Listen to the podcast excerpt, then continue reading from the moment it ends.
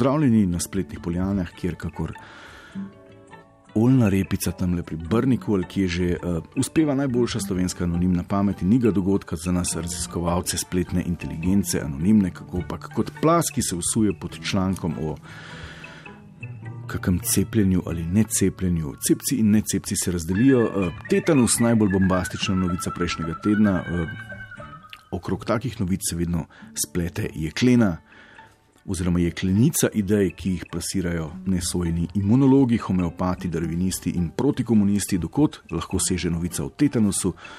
ADBNDBN dokazuje, da se Darwin in sočutje nujno izključujeta. Ha, ha, ha, evo zdaj vam, antivakserjem. Otrok se mi sicer smili, saj ni kriv, da ima neumne starše, ampak tako pač narava poskrbi, da se slabi geni ne nadaljujejo.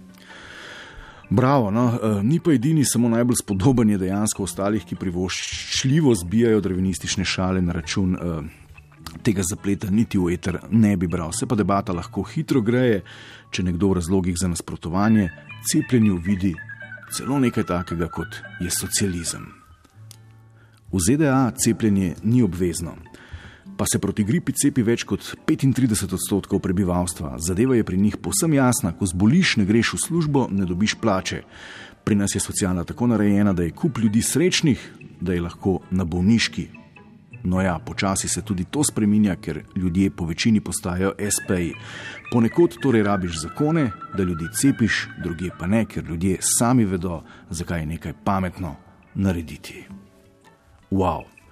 Žal nimamo zdaj statistike, koliko potomcev uh, Združene levice ostaja necepljenih proti gripi in koliko naročnikov tednika Demokracija opravi tudi fakultativna cepljenja, torej proti gripi, klopnemu meningitisu in tako naprej. Ampak še najboljši so pa uh, v teh primerih klasični, misteriozni privrženci zarod, taki, ki ne povejo vsega in si mislijo, ah, boste že poštekali, ko bo čas za to.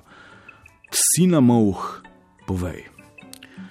Popolnoma ste tudi spregledali, zakaj je ta novica tukaj in zdaj. Na sporedu je pač letni kongres preventivne medicine v Portorožu in ti so pač lansirali to novico, da se naredijo bolj pomembne. Za njih je preventiva še vedno predvsem cepljenje, ker so znanstveno zelo zaostali.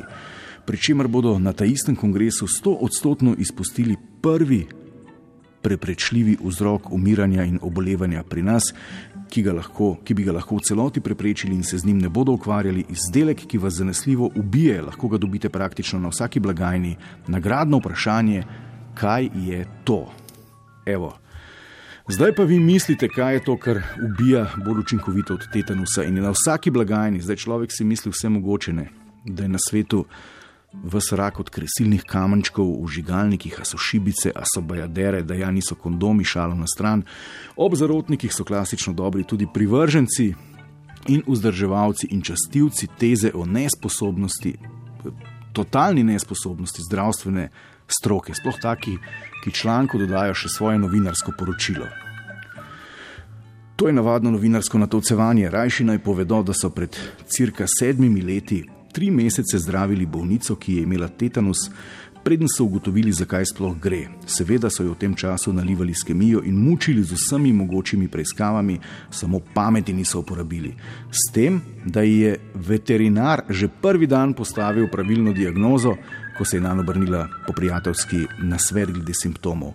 Ko pa je šla na urgenco, jo je skoraj pobralo, preden so pogruntali, da je imel veterinar le prav. Toliko o tem, kaj vedo naši zdravniki. Wow, za konec pa še, kako bi rekli, odvod teorije zarote, skratka, hud spin, ki se ga ne bi sramovali niti največji mojstri domačega političnega parketa. Tole je namreč eh, teorija in pol. Ko nekdo reče, da imajo farmacevti dobiček od cepiv, veš, da je totalen bedak in nima pojma, kaj govori. Farmacevti imajo dobiček od vsakega bolnega človeka.